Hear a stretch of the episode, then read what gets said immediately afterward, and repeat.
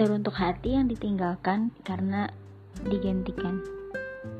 Bukan berarti kau dipatahkan lalu tak layak untuk dicintai. Tutup pintu masa lalumu karena Tuhan selalu membuka pintu masa depanmu.